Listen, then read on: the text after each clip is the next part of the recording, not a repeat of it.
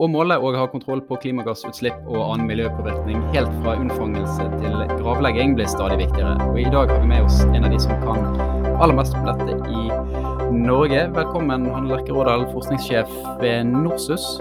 Tusen takk for det. Ja, Norsk senter for bærekraftsforskning. Nett forholdsvis nylig byttet navn, eh, selv om det begynner å bli en liten stund siden dere het Østlandsforskning.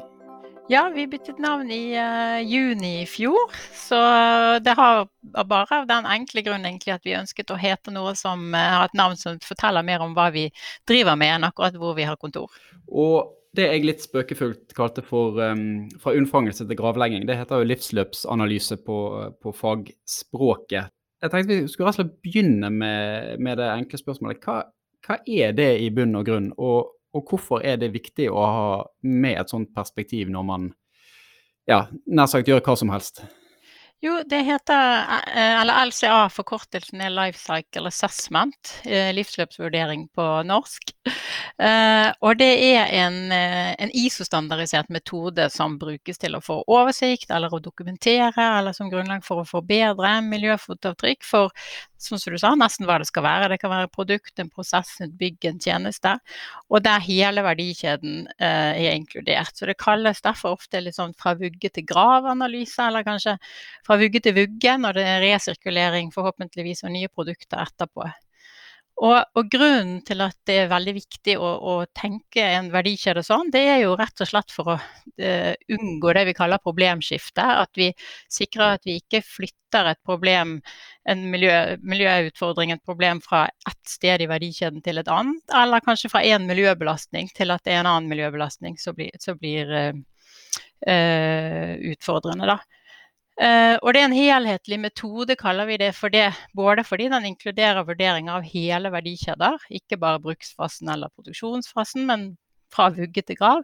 Og også fordi den inkluderer mange ulike typer miljø- og ressursindikatorer. Så klimapåvirkning så gjerne er den vanligste og mest brukte, men det er jo også mange andre typer miljøkategorier, som forsuring, giftige stoffer, arealbruk, vannforbruk, ressursforbruk og ja, egentlig en uendelig liste nesten av ting man kan analysere på. Du har jo jobbet med dette fagfeltet eh, over mange år. Hvordan vil du si utviklingen av Um, denne type metodikk har vært? Og da, da, da, mener jeg egentlig eh, Er det flere som vil vite mer om det nå? Altså er det mer i vinden eh, de siste årene, sånn, sånn eh, du og dine kolleger opplever det òg? Ja, absolutt. Vi opplever veldig stadig større etterspørsel egentlig etter det inn i både forskningsprosjekter og mer eh, direkte prosjekt, eh, oppdragsfinansierte prosjekter. Og vi ser jo at vi var jo med i den gang Østfoldforskning var med å utvikle metoden her i, i Norden på, på slutten av 80 eh, tallet og gjennom 90-tallet. Og da måtte vi jo ofte bruke tid på å forklare hva dette egentlig er for noe. Mens nå er det gjerne implementert både i EU-politikk og norsk politikk, og at man, man, har det som et krav at eh, det, det, skal dokumenteres på den måten. Så det er bra. Nå er jeg nysgjerrig på at det, det, virker jo ganske omfattende. så Du sier altså det, du skal liksom ha kontroll helt ifra så du sier, vugge til, til grav. Det er mange parametere og det er mange opplysninger som, som skal inn. Altså, dere som forskningssenter er én ting. Gjerne større bedrifter har, har råd til å, å, hyre inn dedikert ekspertise for å gjøre, gjøre analyser. Men eh, hva, hva, råd eller innspill har du lyst til å gi til eh, altså, Næringslivet i Norge er jo mye sånn små og mellomstore bedrifter som, som gjerne er opptatt av eh, å ha et eh, lavest mulig klimafotavtrykk, for å bruke, bruke det i dette tilfellet. Altså, hva, er, det, er det noe noe de kan gjøre for å bli bedre på dette, uten at de nødvendigvis har, har muligheter til å, å, å, leie inn konsulenter til, til, til, høye timepriser? Ja, altså det er jo det, det, blir jo mer og mer etterspurt litt sånn som en altså miljø som konkurransefaktor. At det, eh, det, er, det stilles krav fra kunder, eller det etterspørres fra kunder eh, informasjon om miljøpåvirkningen også fra produktene. Så sånn sett kan det jo være rett og slett et tips å ligge litt i forkant og heller bruke litt energi og ressurser på det for å, for å få den type dokumentasjon av sine produkter. Eh, ellers så er det jo klart at hvis man eh, mer tenker nyutvikling, innovasjoner og sånne ting, så er det jo en del midler man kan søke om sammen med forskningsinstitutter og andre, hvor det er det jo rett og slett en del av eh, forskningsprosjektet eller innovasjonsprosjektet er å, å, dokumentere om dette faktisk er en miljøinnovasjon. Eh, så, så, det går litt på om det er noe man skal dokumentere hva man har, eller noe som man skal utvikle nye ting. Da er det jo klart da er det mer muligheter på, på den type midler. Da. Men det at det, vi ser helt klart at det er eh, altså det blir mer og mer en etterspørsel etter den type dokumentasjon. Og det, det er jo det som er mener jo vi er, et, eh, er bra for miljøet. At det at man ikke bare konkurrerer på pris, men også på, på miljø. Når man foretar en sånn analyse, det, og det, det, vil jo selvfølgelig variere i ganske stor grad alt etter hvilken sektor man er i og hvilket eh, si, eh, måltall man vil ha ut i, i andre enden, men er det, er det mulig å, å, å, si noe om um, barrieren av de vanskeligste områdene? Så er det noen, sånne, noen elementer i en sånn analyse som er mer krevende å gjennomføre enn en andre? Vi ser jo altså det å, å, å, gjøre selve datainnsamlingen er nesten alltid den mest krevende delen. Da, For der bør, må vi jo ha kontakt og deltakelse fra flere aktører gjennom verdikjeden til dette systemet som skal analyseres. Eh, men heldigvis så finnes det jo databaser med, for mer sånn generelle LCA-data, f.eks. gruvevirksomhet og tilvirkningsprosesser og sånne type ting. Så man, man slipper jo heldigvis i enhver LCA å måtte gå helt til, til, vuggen og helt til graven. Det handler litt om det man gjerne kaller for forgrunnsdata og bakgrunnsdata. Men, eh, men likevel så er det, selv om man skal bruke kall det bakgrunnsdata og mer databasedata, så er det jo viktig ofte å vite hvor i verden skjer dette, eller hvilke land, for å bruke så riktige data som mulig. da. Men eh, det å definere systemene og få inn alle de nødvendige dataene, er i hvert fall det mest tidkrevende i en sånn eh, type analyse. En ting jeg lurer på, at Det er jo stadig flere bedrifter som stiller krav til sine leverandører. At man, Skal jeg handle hos deg, så må man være klimanøytral, eller en eller annen parameter. At man må ha besluttet at man skal ha kuttet utslipp innen 2030, eller hva det måtte være. Eh, og Løsningen for mange av disse leverandørene i hvert fall på kort sikt, er jo å kjøpe klimakvoter for å kompensere for utslipp, fordi man eh, enten av prismessig eller teknologisk modenhet ikke, ikke klarer å, å, kutte utslippene. Eh, med en gang. Da lurer jeg på, altså, Hvordan håndteres noe sånt i en livsløpsanalyse? Altså, er den underleverandøren da å regne som klimanøytral, eller vil man da se på de si, reelle produksjonsutslippene som, som faktisk skjer, uh, uavhengig av, av, kvotesystemet? Ja, nei, Det å kjøpe klimakvoter, det kan du ikke inkludere inn i en livsløpsvurdering og inn i resultatene der. Det er egentlig på samme måte som, som f.eks. GOG-protokoll stiller krav til rapportering. At du kan du, du du dokumenterer dine faktiske miljøbelastninger. Og så kan det være en nei, tilleggsinformasjon, at du, at du f.eks. også informerer om at vi kjøper klimakvoter, og således kommer ned til f.eks. å bli klimanøytral. Men det, det du får ikke lov å plusse det sammen, sånn at du, det blir null, og legge det inn i, en, inn i en, LCA, for å si det sånn, eller som en underleverandør. Det, det, må i så fall være en tilleggsinformasjon. Så du kan ikke, du kan ikke kjøpe deg ut av en eh, LCA-analyse, for å si det enkelt og greit? Nei, du kan ikke det, med, ikke med klimakvoter. Et område som, som eh, LCA-analyser ofte trekkes fram ved, det er jo ulike energiformer. Hvor, mye, hvor mange gram eh, CO2 eh, slippes ut per, per kilowattime? Hva, hva, vet man egentlig om hvilke energiformer som har det laveste klimafotavtrykket? Vi har jo gjort altså Det finnes jo mange LCA av ulike eh, energiproduksjonsformer. Eh, det, og tenk, regner med at nå tenker du mest på elektrisitetsproduksjon, da. Uh, og da er det jo Vi har gjort f.eks. laget en LCA på et gjennomsnitts uh, vann vann, norsk vannkraft, for å si det sånn. Som kommer jo veldig, veldig bra ut. Har eh, vel et uh, underkant av fire gram CO2-ekvivalenter per kilowattime. Og det kan jo sammenligne med snitt for kullkraft, som er 1000. Så, eh, men også vindkraft når man ser på klima, for her må vi jo alltid poengtere det at noe, hvilken miljø påvirkning er det man sammenligner. Så i eh, klimamessig så kommer vindkraft også veldig bra ut. Eh, ligger på kanskje sånn 10-15 gram, og solkraft akkurat det samme eh, rundt der. Eh, og så er det jo klart med en gang du går over på, på fossile kilder med forbrenningsteknologier, så er det jo, så er det jo helt andre eh, andre utslippsfaktorer. Da. Så liksom er du på gasskraft, ligger du kanskje opp på 400, og så på kull så kan du gå Ja, det er jo alltid variasjoner, men eh, fra 800-900 og opp til kanskje 1200 gram per kilowattime. Og det kan vi igjen sammenligne mot disse fornybarteknologiene vann og vind og sol, som ligger på kanskje mellom 5 og 55. Så det er stor forskjell der. Men da vil det òg være geografiske forskjeller mellom f.eks. For et norsk vannkraftverk og et vannkraftverk bygget i um, Kuala Lumpur, bare for å ta et tilfeldig valgt, valgt? Ja, Det som er litt spesielt med vannkraft, er jo at her i Norge så blir jo det klimamessig sett på som veldig, veldig rent. Og det er jo helt riktig. Det er veldig det er lite klimagassutslipp tilknyttet norsk vannkraft. Det kom, og det som kommer, det kommer først og fremst fra produksjon av uh, turbiner og demninger og sånne ting. Og så fordeles den investeringen kan du si, utover all kraften som blir produsert gjennom, gjennom uh, anlegget sin levetid. Mens eh, ellers i verden så har vannkraft et litt eh, dårligere rykte, også klimamessig.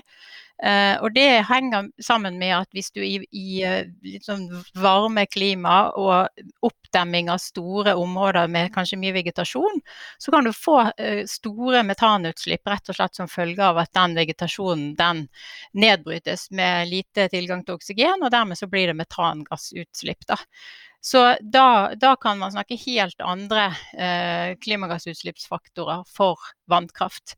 Og det er jo viktig at man er klar over at den type ting kan påvirke vannkraften generelt. sånn at ikke Vannkraft er ikke nødvendigvis vannkraft, men det er sånn som du sier, litt avhengig av geografi, og ikke minst hvordan eventuelt oppdemmet, eh, hvor det oppdemmet areal ligger, og hva som har vært der før. Men, eh, så, og her i Norge så ligger jo uh, disse arealene stort sett høyt oppe i fjellet og lite neddemmet uh, vegetasjon. Så dermed så er det veldig lite utslipp fra det her i Norge. Det har vært også gjort uh, prøver og målinger av hvis vi har fått hjelp fra Sintef Energi bl.a. som har gjort det, så vi har inkludert i de analysene våre. Da. Så vi, der har vi med hele spekteret, også den type utslipp. Hva vil du si er svakhetene ved en sånn LCA-metodikk? Altså Er det noen fallgruver som som man kan se seg blind på? Altså, det er jo som med alt mulig annet. Shit in and shit out. Så altså, man må ha gode data. Skal du sammenligne systemer, så må man være sikre på at begge systemene har like relevante og nye og oppdaterte data. Det er jo klart det er helt urettferdig å sammenligne et system med gamle data med ett med nye. Så, så, eh, det å gjøre, sette de riktige systemgrensene, hva inkluderer du, hvor gode data får du samlet inn, er det en rettferdig sammenligning både med hensyn på systemgrenser med data data og den type ting. Det er veldig viktig. Og også når man ser på forskjellige ulike miljøpåvirkningskategorier, så må man være sikre på at man, det dataspekteret også omfatter de kategoriene man ser på. Ser man f.eks. på mer sånn toksiske utslipp og sånne type ting, så må man være sikre på at om et system kommer bra ut, at det faktisk er fordi det har eh, lite eh, utslipp av den type uh, materiale, da, og ikke fordi det f.eks. er en data altså det mangler data for det. Så jeg hører jeg sier data veldig mye, men det er viktig også i denne type analyser. Ser du at LCA-analyser misbrukes i, i, i debatten f.eks., for, altså for å fremheve at produkt A er bedre enn produkt B, eller at, at det, det, kan være vanskelig å ettergå hva som er puttet inn for å, å på en måte gi, gi det svaret som kommer ut? Ja, det kan helt klart også bli gjort fra, med, med, resultater fra LCA-analyser som de fleste andre, og, og det, det, blir det òg. Og det er jo nettopp derfor at det finnes jo et system som heter miljødeklarasjoner, som er, eh, eller forkortet EPD, Environmental Product Declaration, som er nettopp et system hvor du på en helt standardisert format eh, skal eh, kan publisere dine, eh, ditt miljøfotavtrykk eh, med enda litt sånn strengere og felles regler f.eks. For, for byggevareprodukter og for emballasje og for andre typer ting. Eh, og de skal være tredjepartsverifiserte nettopp for å unngå det at dette, dette blir misbrukt. Da. Og dette er jo faktisk veldig brukt i byggsektoren, som er de som ligger lengst fremme med å stille krav til LCA-data. Og det er kan vi si, takket være Statsbygg først og fremst, som, som har gjennom mange år stilt krav om at deres eh, entreprenører og underleverandører må ha eh, miljødeklarasjon eller EPD hvis de skal levere inn tilbud. Og da, still, da, blir det jo en sånn etterspørselseffekt nettopp på det. Og, og, og da er det viktig òg at det er krav om tredjepartsverifisering og gjennomgang av disse dokumentasjonene. For det blir jo et verdidokument på samme måte som det, det å vise kostnadsoverslag og sånne type ting.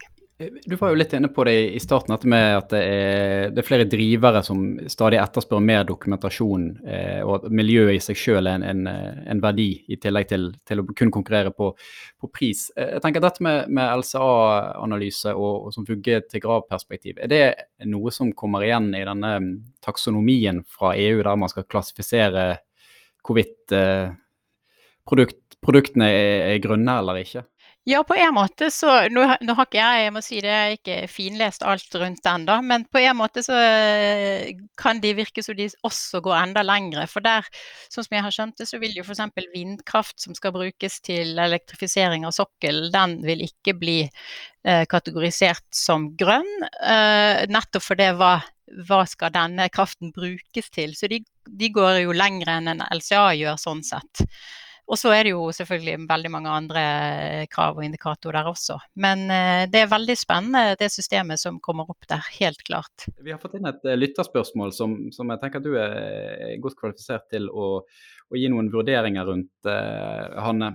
Først litt, litt kontekst. I Norge så har vi jo mer eller mindre helt fornybar elektrisitetssektor, der, der hovedkilden vannkraft, som vi har snakket om, har, har lave CO2-utslipp per kilowattime.